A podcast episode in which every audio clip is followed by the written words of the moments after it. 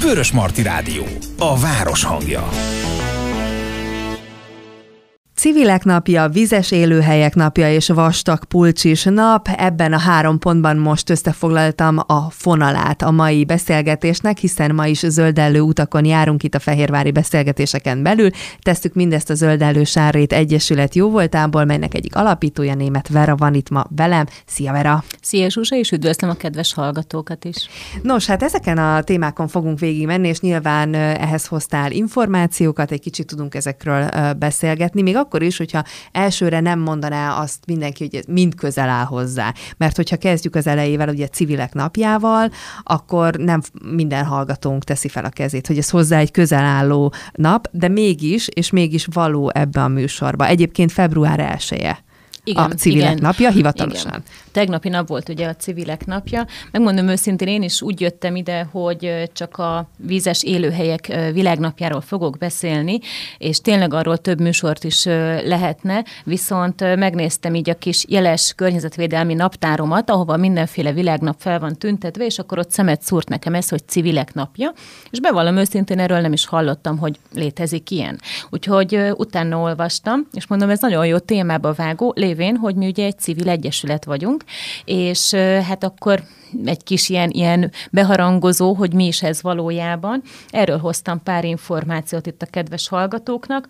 Alapvetően ezt 97 óta ünneplik, és ugye a civil szférában nagyon sokan tevékenykednek. Most csak Magyarországon több mint 60 ezer civil szervezet van, ugye ide értjük az egyesületeket, az alapítványokat, egyéb civil szférában ténykedőket, és ebből több mint ezer olyan van, akik kifejezetten a környezet, illetve természetvédelemmel foglalkoznak, és ugye mi is ezek közé tartozunk. A lényege, hogy ezek a civil szférek sok, sokan nem, nem igazán vannak tisztában vele, hogy ez mi is valójában. A legkönnyebben megfogalmazni szerintem úgy lehetne, hogy a társadalomban azok a civil szervezetek, akik a demokrácia építésében egy nagyon fontos momentum, mert hogy a politikai réteg, illetve a gazdaság és felső vezetés, valamint a társadalmi réteg között egy hidat képeznek. Tehát olyan dolgokat fogalmaznak és fogalmazunk meg, amik sok embert foglalkoztatnak, akár ugye környezetvédelmi problémák, akár mondjuk gyermekjóléti egyesületek, stb. stb., amik úgymond nincsenek a szemünk előtt, nem mindennapi dolgok a média, médiában, és fel kell hívni rá a figyelmet, tehát effektív lobbizni kell, és a civil szervezetek legtöbb esetben ilyenekkel foglalkoznak, csak hogy a legnagyobbat említsem, ugye a WWF. Tehát ugye a World Wide Fund for Nature alapítvány, ők a legrégebbiek, 1961-ben Svájcban alapították őket, és a mai napig ők olyan szervezet, akik semmiféle politikai hatással nem bírnak, tehát mindenféle politikától mentesek, most már több mint száz országban képviseltetik magukat, és hát majdnem ilyen 5 millió fő a támogatójuk. Ugye azt kell erről tudni, hogy nincsen effektív ezeknek a civil szervezeteknek bevételük. Tehát egy százalékokból, egyesületi támogatásokból, önkéntes munkákból ö, tudják fenntartani magukat, és ö, ezekből az adományozásokból tudják ö, akár egy petíciót, egy demonstrációt létrehozni. Ö, most csak, hogyha a WWF-et nézem, ugye ő nekik a legfontosabb, hogy ö, támogatják a biológiai sokféleséget, az erdők, vizek védelmét. Most ugye mi volt ez a fakitermelési törvény, és ugye sorolhatnánk az aktuál politikai dolgokat, de pont, hogy ebben nem akarunk belemenni.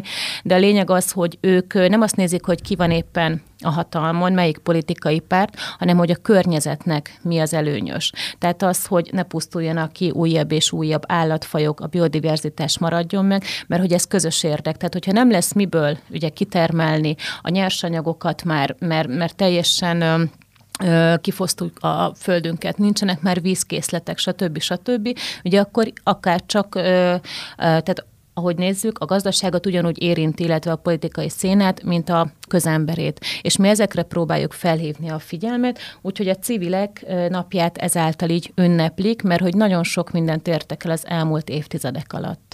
A, mindig szoktuk használni ezt a kifejezést, hogy egy civil kezdeményezés.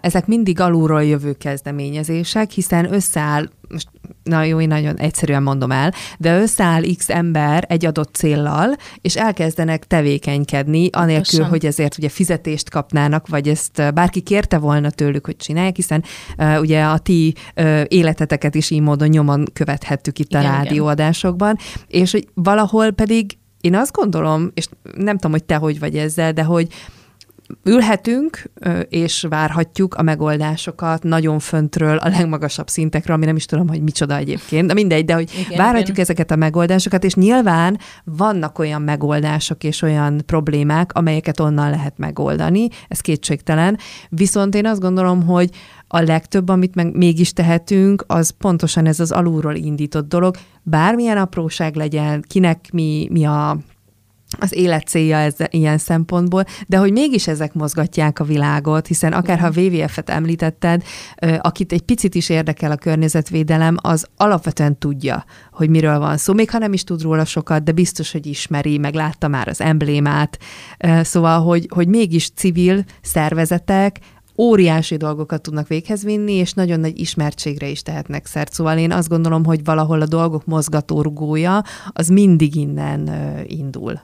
Igen, igen. Most uh, hozok egy olyan példát, hogy a szűkebb ismeretségi körömben van egy olyan ember, aki mondta, hogy ó, hát ezek a civil ilyen szervezetek, ezek nagy humbuk, meg hogy csak az egy százalékra mennek, és nem csinálnak semmit, és csak a pénzt viszik, és akkor így belegondoltam, hogy jó, most az én oldalamat nézve, hogy egy ilyen zöld szervezetbe vagyok ugye benne, viszont ugye rajtunk kívül nagyon sok más van, tehát ugye akár, amint az, amit az imént is említettem, a, a gyermekvédelmi egyesületek, hátrányos helyzetűek támogatása, a rákos beteg betegek, tehát folytatni lehet a sort ugye végtelenségig, nem csak a zöld szénára megyünk rá, viszont azt nagyon fontos megemlíteni, amit itt te is mondtál, hogy ezek olyan kezdeményezések, hogy nekünk meggyőződésből, tehát amiben igenis hiszünk, amire úgy gondoljuk, hogy nincsen még megoldás, azokat alulról kell kezdeményezni. És ez azért nagyon fontos, mert így az egyesületek közvetítenek, tájékoztatnak és támogatnak. Tehát ez, ez a fő három aspektus van ezeknek az egyesületeknek,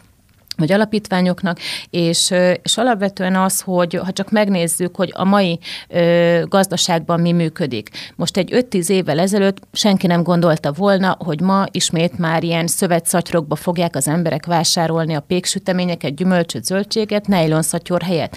Ez nem egy ilyen kutfóből jött dolog volt, hogy most úgy gondolták a nagyipari vállalatok, hogy ők akkor most szépen ezt beszüntetik, mert hogy ez környezetkárosító. Tudjuk ugye, hogy hát ő nekik elsődleges a profit, illetve a növekedés. Tehát nekik nem volt semmilyen ö, szinten érdekük az, hogy környezetvédelmi lépéseket tegyenek.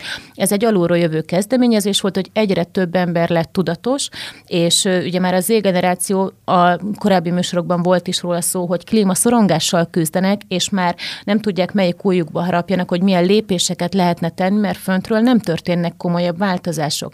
És ez a sok ember, akik egyesével nekiállnak összefogni, akár szervezetté alakulni, akár most egy WWF-hez csatlakozni, teljesen mindegy. A lényeg az, hogy ezek az emberek, ez a sok kis ember el tudja azt érni, vagy el tudta azt érni, hogy már környezetvédelmi lépések történjenek a cégek, cégek esetében is. Akár csak az, hogy most a fenntarthatóság, mint szó már mondhatni elcsépelt kezd lenni, mert majdnem minden cég már használja valamilyen szinten, hogy vannak fenntarthatósági jelentései, kimutatásaik, hogy ők mit tesznek a karbonlábnyom csökkentésére, vagy a, a klímasemlegesség elérésére, és sorolhatnánk tovább. Ezek nem történtek volna meg anélkül, hogyha ez a sok kis ember nem követeli szó szerint, hogy történjen változás. Tehát igenis van létjogosultság ezeknek a civil szervezeteknek, és, és kell, hogy ez működjön. Viszont nyomon követhetőek-e valahol a civil szervezetek? Tehát itt a, kezdted azzal, ami, amit én is hallottam már ilyet, hogy hát civil szervezetek, hogy megkapják ez egy százalékot, és boldogan elvannak. Tehát, hogy, hogy aki egyébként szeretné azt tudni, hogy ő szeretne támogatni valakit valójában adója egy százalékával, vagy bármilyen más úton, módon, akkor hol tudja megnézni, hogy igen, ők pontosan mit is csinálnak, vagy, vagy mihez kezdenek a bevétellel? Ezt két oldalról tudjuk megközelíteni. Az egyik az, hogy ugye minden évben az adóbevalláskor van lehetőség arra, hogy az egy százalékunkat felajánljuk meghatározott szervezetek eseté, meghatározott szervezeteknek, és itt most már, hogyha például a, az ügyfélkapunk keresztül ugye intézzük a nem papíralapú bevalláson, akkor van egy lenyíló kis ablak, és az összes listában lévő ilyen civil szervezetet felsorolja. Ugye nekik is van erre egy belsős rendszerük, tehát aki nem felel meg a paraméter, paramétereknek, azokat evidens nem szerepeltetik a következő évi adónyilatkozat esetében, tehát aki jogosult az 1%-ra, azok vannak csak feltüntetve.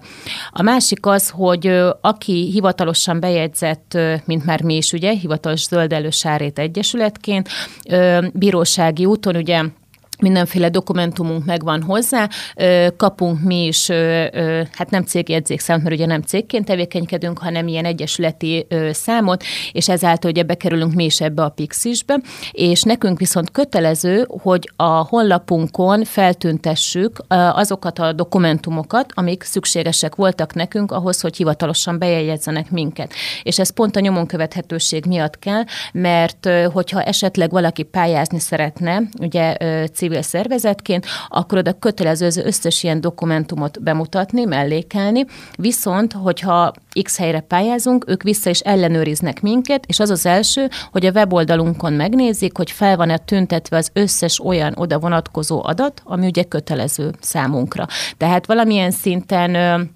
Nekünk is közzé kell tenni az adóévi nyilatkozatokat, és a többi, stb. Ugye az alapítási jogkorértükat, stb. És ezek mondom, ilyen szinten visszaellenőrizhetőek. Úgyhogy ha már itt tartunk, akkor a, akkor mondanám is, hogy idén már mi is jogosultak vagyunk az egy százalékra, mert már letelt az egy év a bejegyzésünk óta, úgyhogy ha valaki szeretné támogatni a mi tevékenységünket, akkor idén már a legörtülő listából minket is ki tud választani. Zöldellős Árét Egyesület, akkor titeket kell keresni. Egyébként, hogyha már ugye a, a, a munkára, a civil munkájáról is beszélünk, akkor egy pici kitekintés, hogy ti most miben vagytok benne. Ugye nagyon sok minden volt az elmúlt időszakban, meg gyanítom, hogy nincs is megállás, de hogy most aktuálisan mi zajlik nálatok? Aktuálisan most ott tartunk, hogy próbáljuk a tavalyi évet egy kicsit így összegezni, kifújni magunkat, mert nagyon sok minden történt azért 2022-ben. Meg volt már az első, mondhatni ilyen kisebb közgyűlésünk nekünk alapító tagoknak, és ott most pontokba szedtük a prioritásokat, hogy mik azok a fontossági sorrendben, amikkel foglalkoznunk kell. Ugye elsődlegesen az, hogy tavaly nyertünk a Tesco pályázaton, és a pályázatnak a lényege az volt, hogy mi egy értéktárat szeretnénk létrehozni, úgyhogy ennek ennek iszonyat gőzerővel folynak a munkálatai a háttérben, mert hogy nekünk a Tesco felé ezt márciusig prezentálnunk kell, hogy milyen státuszban vagyunk, és úgymond le kell adnunk a kész honlapot, úgyhogy nagyon-nagyon folynak a háttérben a munkálatok. Annyi, hogy az értéktár nevet azt most úgy tűnik megváltoztatjuk, de majd, hogyha elkészül és hivatalos lesz, akkor majd biztos én vagy akár Kata vagy Timi erről be fogunk számolni nektek, és hát az a lényeg alapvetően, hogy ez, ez nagyon sok időt, energiát igényel most nekünk, mellett Mellette a saját honlapunkon is gőzerővel dolgozunk, mert sajnos még az sincs beüzemelve, anyagokat gyűjtünk hozzá, ugye grafikus és háttérmunkák ott is folynak, és hát már a saját rendezvényünk ötletét is fontolgatjuk, hogy melyik irányba menjünk. Ugye volt már textiles rendezvényünk, volt már a papírreforma, amikor a papír köré szerveztünk egy egész napos rendezvényt, és akkor most is egy tematikus napot szeretnénk csinálni, plusz egy úgymond pikniket, ami majd az egyesületi tagjaink, önkénteseink részére lesz nyitva, illetve akik szeretnének minket megismerni. Tehát úgymond egy ilyen, mint a munkakeresőknél is ezek a nyílt napok, amik vannak. Szeretnénk egy kicsit tágabb környezetbe is megismertetni magunkat és a tevékenységünket, hogy tudják azt, hogyha esetleg egy százalékot felelnek, akkor azt kinek adják oda, és hogy vajon miért. Tehát, hogy nehogy az legyen bennük, hogy ő, ők is csak egy civil szervezet, és semmit nem csinálnak. Tehát nálunk nálunk azért nagyon, nagyon sok minden van. Ugye addig is a Facebook oldalunkon tudják nyomon követni az, hogy eddig miket csináltunk, és mik az aktuális tevékenységeink. Menjünk is tovább a témáink sorában. Ugye a civilekről, meg rólatok azért beszéltünk, mert február 1 a civilek napja. Most már szerintem mindenki tudja, hogy bármelyik civil szervezetet le tudja úgymond ellenőrizni, tehát megbizonyosodhat arról, hogy valóban azt a tevékenységet folytatják-e, illetve azt hogyan folytatják, de azt hiszem, hogy a közösségi média egyébként ebben nagyon sokat tud segíteni, hogy bármelyik civil szervezetet könnyebb így feltérképezni, hogy valójában mivel foglalkoznak. Viszont a mai témáink témáink között nem csak ez szerepel, hanem egy másik nap, világnap, a vizes élőhelyek napja. Igen. Az pedig a mai nap van, tehát február másodikán van a vizes élőhelyek világnapja.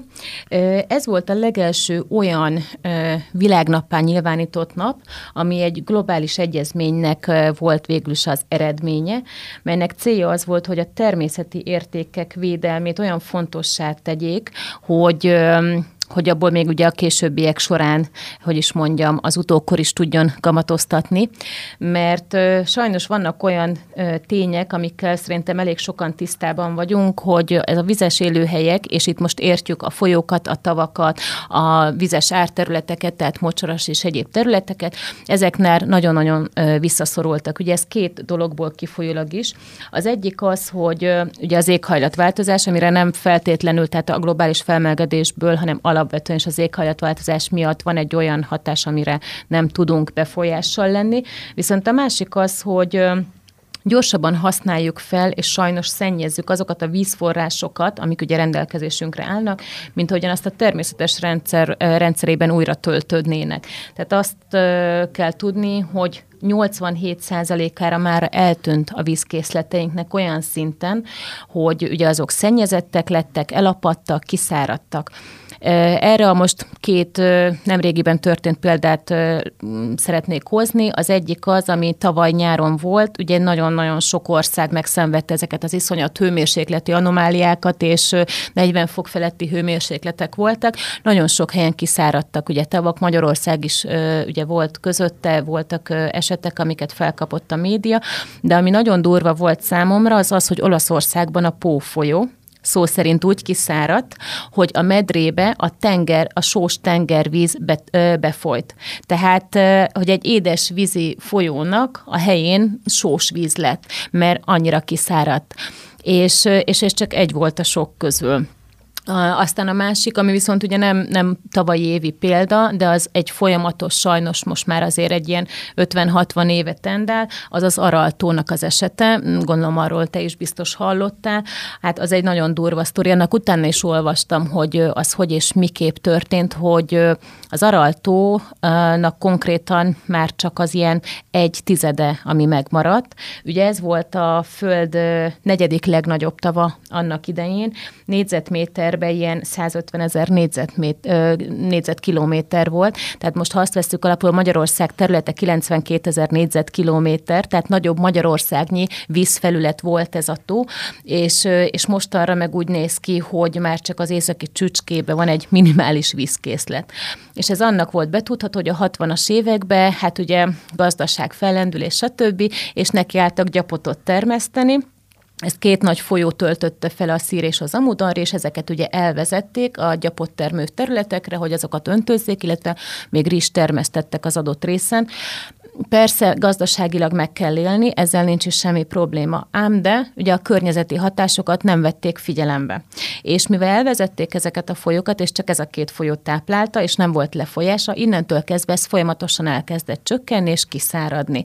És ez ráadásul egy, egy sóstó volt és hát azt kell tudni róla, hogy most már vannak rá törekvések, hogy megmentsék, de sajnos elég nehéz hát gazdaság és politikai helyzetben van, mert két ország határán van, Kazasztán és Üzbegisztán.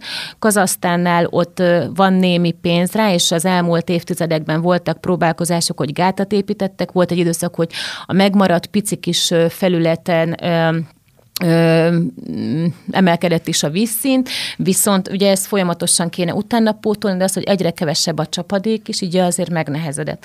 Üzbegisztán esetében viszont ők sajnos elég szegények, és nem tudtak lépéseket tenni, úgyhogy ami az ország területükön van, az konkrétan már teljesen elsivatagosodott. És akkor ebből kifolyólag ugye jönnek az utóhatások, iszonyat sok mennyiségű por van, az ott lévő nagy tómederben ugye ilyen sós, hát szennyezett üledék, stb., amiket visszaszél. Tehát például talán azt hiszem pont tavaly évben volt ez, vagy tavaly előtt, hogy ilyen sárgás, vöröses homok, homok volt a szélbe. Na, az az araltónak a pora volt például. Tehát, hogy messze van tőlünk, és mégis érezzük a hatását. És az a baj, hogy megmenteni már nem lehet, tehát nem lehet visszafordítani ezt az iszonyat nagy mértékű károsodást, viszont még próbálnak lépéseket tenni abba az irányba, hogy abból a piciből, ami megmaradt, abból legyen még esetleg valami. Ugye most már azt néztem, hogy 18-tól, tehát most már ugye 5 éve próbálnak ilyen zöld technológiákra áttérni, olyan növényeket termeszteni a környezetben, aminek kevesebb a vízigénye, és nem kell annyira drasztikus módon öntözni, mint mondjuk a gyapotot vagy a rizsföldeket, ugye, illetve olyan növényeket, fákat próbálnak telepíteni az Araltó partjára, hogy azok fel tudják fogni például a port, amit ugye a szél el tud vinni.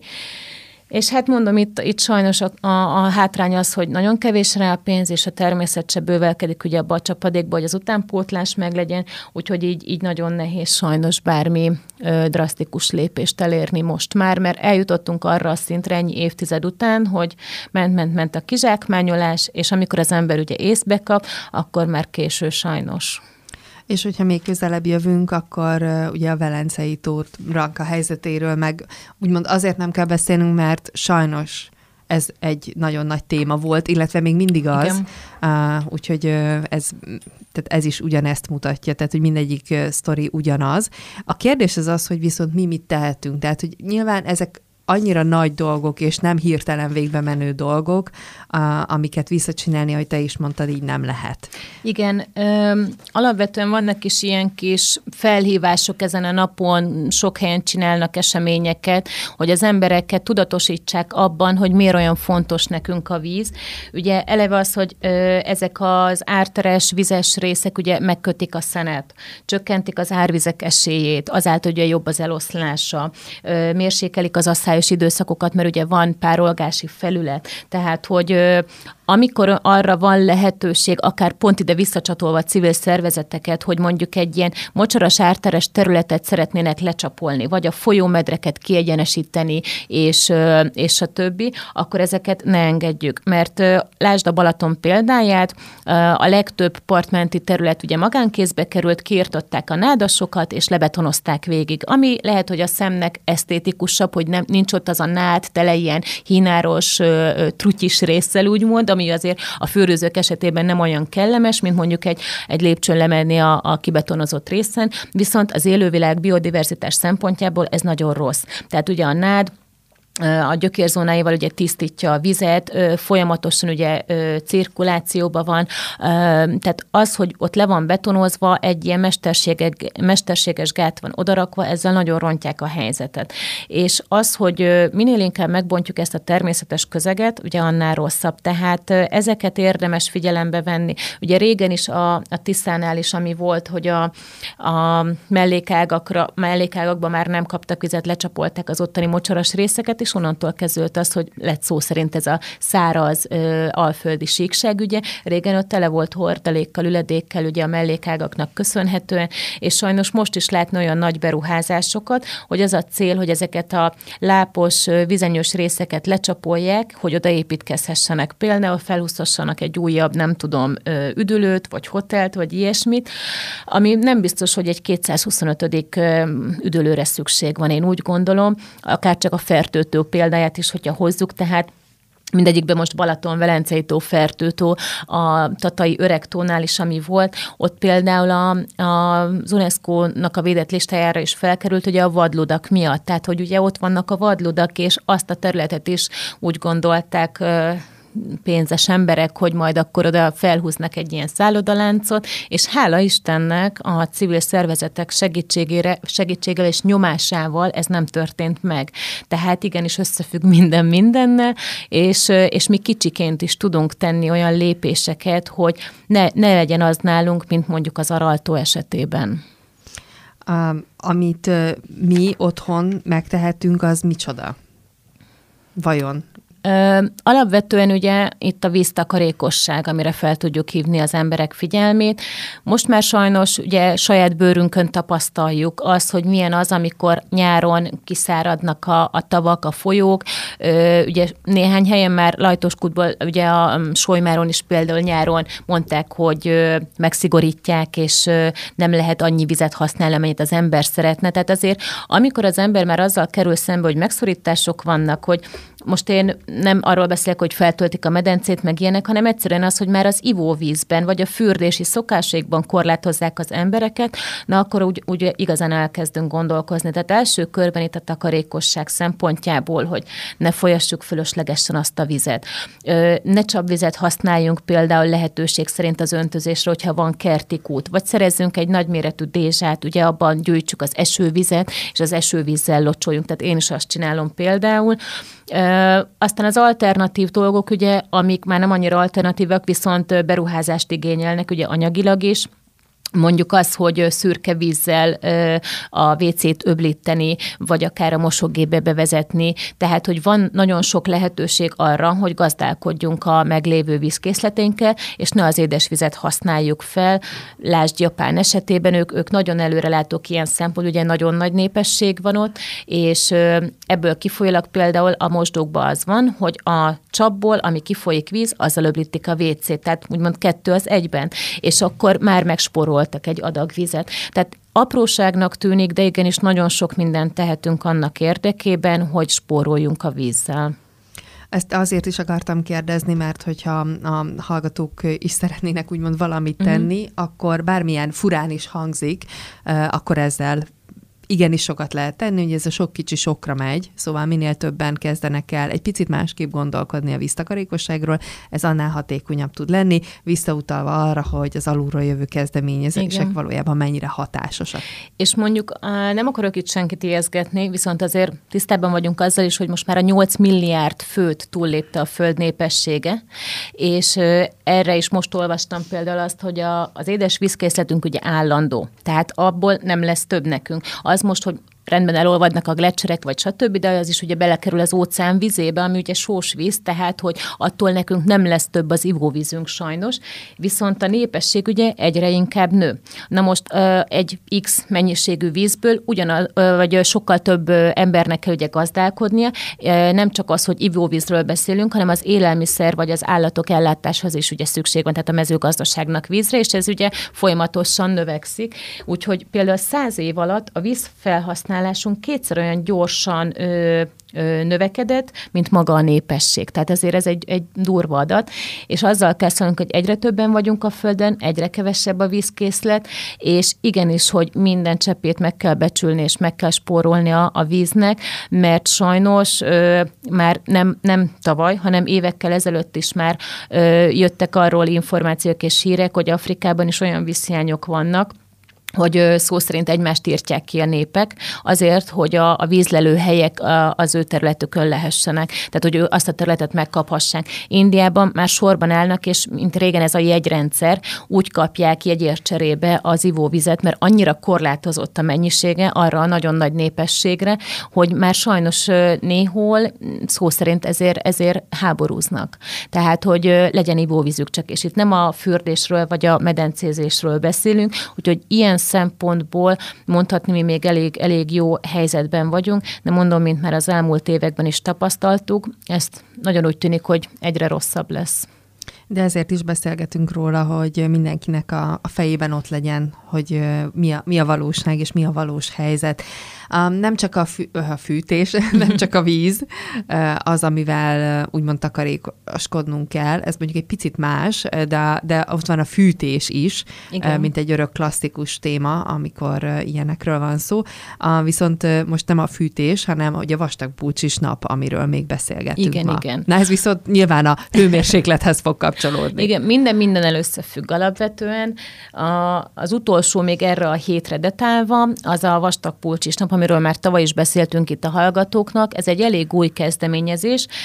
Február minden első, illetve második péntekén szokták ezt megrendezni. Amúgy ez Hollandiából indult kezdeményezés, és ilyen 2007 környékén, ha jól emlékszem, tehát ilyen kis fiatal dolog.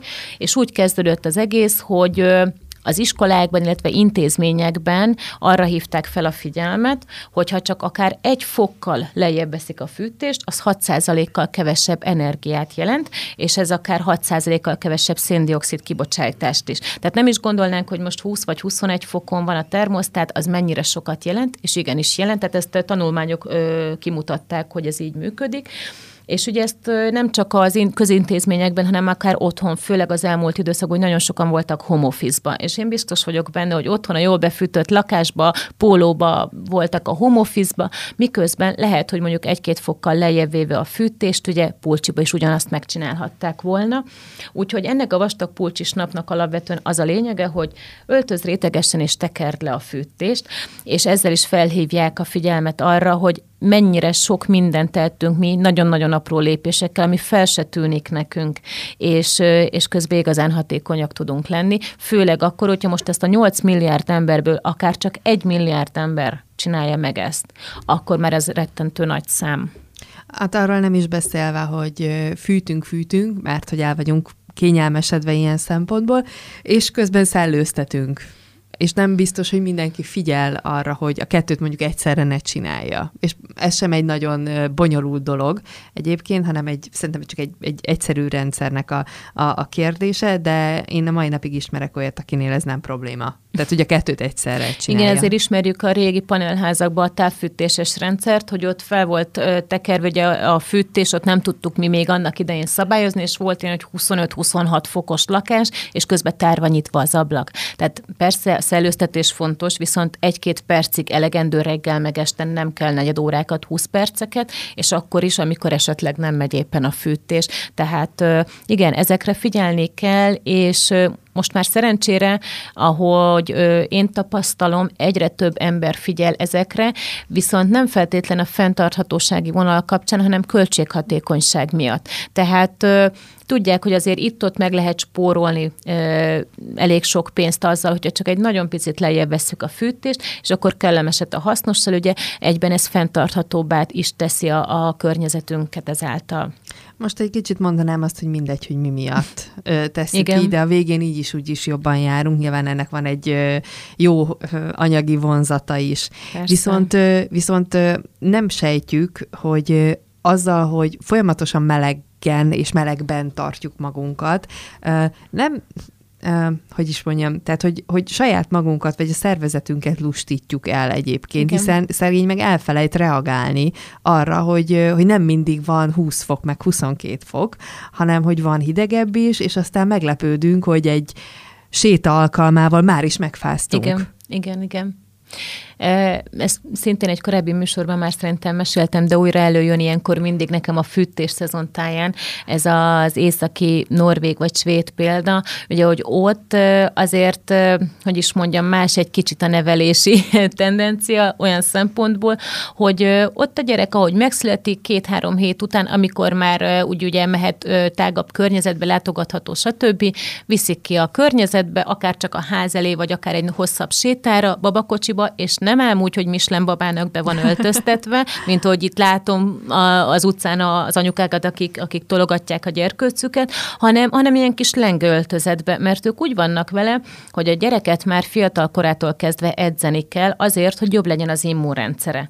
Tehát azért ott, ahol mondjuk 10 hónapig nagyon kevés napsütés van, nem tudsz D-vitaminnal töltődni, nincsen annyi zöldség, gyümölcs, stb., azért nagyon fontos az, hogy megőrizzük az immunrendszerük egészségét, és ugye nekik ez jó, mondjuk ott van a sauna, tehát akár csak a filmeket nézzük, hogy, hogy majdnem minden házban van saját sauna, de ezzel próbálják azt kárpótolni, ami ugye a másik oldalról elmarad, tehát mondjuk egy déli országhoz képest, ahol nagyon-nagyon napsütéses órák száma, stb. stb. Tehát az a lényege, hogy ők már a gyerekük immunrendszerét így próbálják erősíteni a kezdetek kezdetén, és tényleg nekem volt olyan ismerősöm Svédországban, hogy én ilyen tényleg nagy kabátba, meg alatta két pulcsi, meg iszonyat vastag bundás csizma, ő meg nem viccelek, rövid gatya, póló. És én így ránéztem és fáztam, és azt mondja, hogy de hát ez még nem is hideg.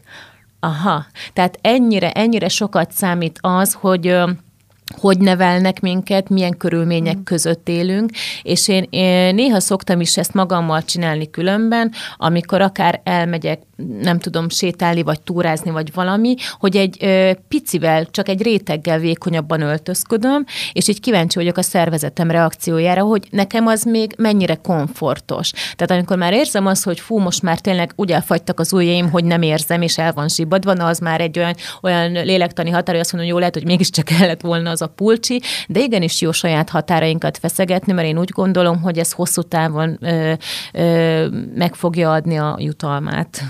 Erről eszembe jutott, hogy TikTokon vannak ilyen videók, mint amiket te uh-huh. meséltél, hogy most nem tudnám mondani, de skandináv, dán, finn példák, és a kérdés a videó elején, hogy vajon ki ki a finn, a skandináv uh-huh. vagy a dán, és akkor pontosan ugyanez a jelenet, hogy valaki megy nagy kabátba beöltözve, és majd uh-huh. megfagy, mégis megy valaki más, lehet, hogy csak pusztán egy cipla öltöny van rajta, de teljesen kellemesen bandukol, miközben uh-huh. a másik megfagy. De hogy milyen érdekes, hogy tehát milyen jó helyzetben vagyunk itt Magyarországon időjárás szempontjából, mert nekünk van azért jó beszélhetünk nyilván arról, hogy vannak-e még évszakok, de azért sok mindenünk van. Igen. És ha éjszakra megyünk, ott ők nyilván a hideghez vannak hozzáedződve. Ha délre megyünk, ők a meleghez vannak hozzáedződve. És nyilván az ő szervezetük meg mástól, vagy az immunrendszerük mástól lehet erős, de hogy nekünk meg alapvetően tényleg annyira jó dolgunk van, hogy itt van minden, tehát nem is kell ezt túl gondolni, csak mindig egy kicsit az évszaknak és az időjárásnak megfelelően mm, nem túl gondolni azt, hogy, hogy ezt mi elbírjuk-e viselni, vagy sem, vagy megfázunk-e, vagy sem. Szóval, hogy jó dolgunk van, néha nem tudjuk, hogy nem tudom, mit csináljunk. E, igen, amúgy én, én gondolkoztam is annak idején, hogy ha lehetne lehetőségem, vagy hogy ha csak szimplán csak így elméletben, hová költöznék. És én nagyon imádom az északi ö, országokat, a mentalitásuk, a temperamentumok, tehát nekem teljesen másképp jön le, mint mondjuk a, a déli népeké. Ezzel persze sokan ellen tudnak mondani, mert ugye aki tehetne, az biztos, hogy 90% inkább délre menne. Na én akkor beletartozok ebbe az 1-2 százalékos kivételbe. Viszont igen, rá, belegondoltam, hogy azért bármennyire én, én elméleti síkon egyetértek velük nagyon sok mindenben. Nem biztos, hogy én nekem az a nagyon-nagyon sokáig tartó havazás, szeles idő, rettentő hideg, és a többi a szervezetemnek megfelelne. Mert hogy ugye én ezen a, a szárazföldi kontinentális éghajlaton vagyok, ugye itt Magyarországban, négy évszak van, amit te is mondasz, és amikor ott vagyok, hogy hú, most nyár van, már annyira várom, hogy tél legyen, télen meg azt várom, hogy legyen már tavasz vagy nyár. Tehát nekünk lehetőségünk van várni az évszakok változását, ott nem nagyon van erre mód. Tehát amit te is mond, de szerintem nagyjából ez lehetett a lényege, hogy, hogy jó kielvezni mindegyiket, mert én se feltétlen szeretném azt, hogy folyamatosan csak essen a hó és hideg legyen, vagy folyamatosan csak süssön a nap. Tehát én kevésbé bírom amúgy a meleget, mint a hideget. Úgyhogy igen, szerintem jó helyen vagyunk ilyen szempontból. Csak nem tudunk jól viselkedni a megfelelő, vagy a, az egyes időjárási viszonyokban, mert mindig túl gondoljuk, és akár hogy a gyerekeket említetted, hogy tényleg ilyen mislenbabának vannak Igen. Beöltöztetve, vagy hát meg magunkra is szerintem egészen másképp figyelünk. Meg hát a, a kor is választja azt, hogy vagy tehát a kortól is függ pontosabban az, hogy hogyan öltözködünk, mert szerintem te is úgy vagy vele, hogy biztos látsz ilyen uh, tinédzser, meg egy picit idősebb fiúkat, lányokat, és rájuk nézel, és ha, hát hogy nem fagy meg? Jó, persze, de szerintem neked, nekem is voltak olyan így korszakaink, van, van. tehát nem jó pár, jobbak, jó pár évvel korábban. Igen, igen, ezt akartam kihozni, hogy azért ott elsődlegesen mindig az volt a cél, hogy, hogy vonzó le, vonzóak legyünk, tetszünk a másik nemnek, stb. stb. És akkor az egészség volt a legutolsó szempont, amire gondoltunk. Meg akkor még nem az volt, hogy itt fáj, ott fáj. Most meg már az mondjuk, hogy nem érdekel, hogyha csúnya, de kényelmes legyen, és a derekamat fedje, és, és ne fázzak meg. Igen, tehát azért a, a korral azért változnak ezek a fajta igényeink. De ez így van jól egyébként, nem is azért akartam ezt behozni, hogy ez, ez probléma, csak hogy igen, van az a kor, amikor már másképp nézel igen, erre a igen. típusú öltözködésre. Viszont erről a vastag pulcsis nap kapcsán beszélgetünk, aminek igazából annyi a lényege, hogy inkább legalább ezen az egy napon öltözzünk fel melegebben, és tekerjük lejjebb a fűtést. Igen. És ez minden évben február elején van. Az első, Igen. első, első péntek? vagy második ö, péntekén.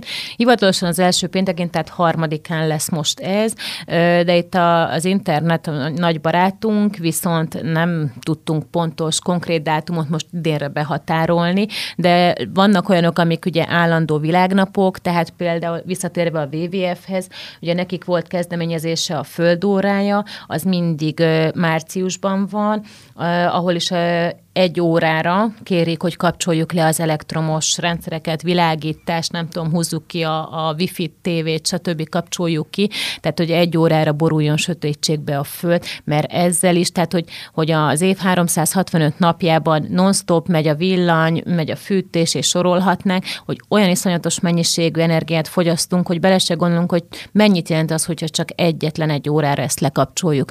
És ugye akkor majd folytatjuk, folytathatjuk a sort, majd lesz ugye a túlfogyasztás napja, sajnos az minden évben egyre előrébb jön, aztán a földnapja, hogy április 22-én, úgyhogy nagyon sok ilyen nemzetközi jeles nap van most már, és hála Istennek azt tapasztalom, hogy nem csak a, az oktatási intézményekben, tehát óvoda, iskola veszik elő ezeket a témákat, és szerveznek rá rendezvényt, eseményt, hanem most már akár áruházakról, nagyobb vállalatokról is beszélünk, akik ezt beveszik úgymond a repertoárjukba, és, és a a vásárlóik felé jelzik, hogy igenis fontosak ezek a dolgok, és akkor ők is valamilyen kezdeményezést próbálnak tenni az irányba.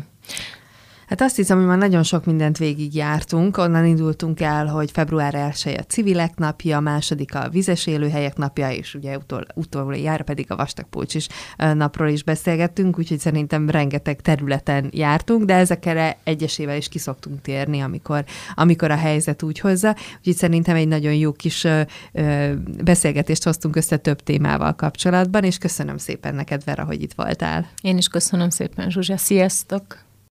FM 99.2 Vörösmarty Rádió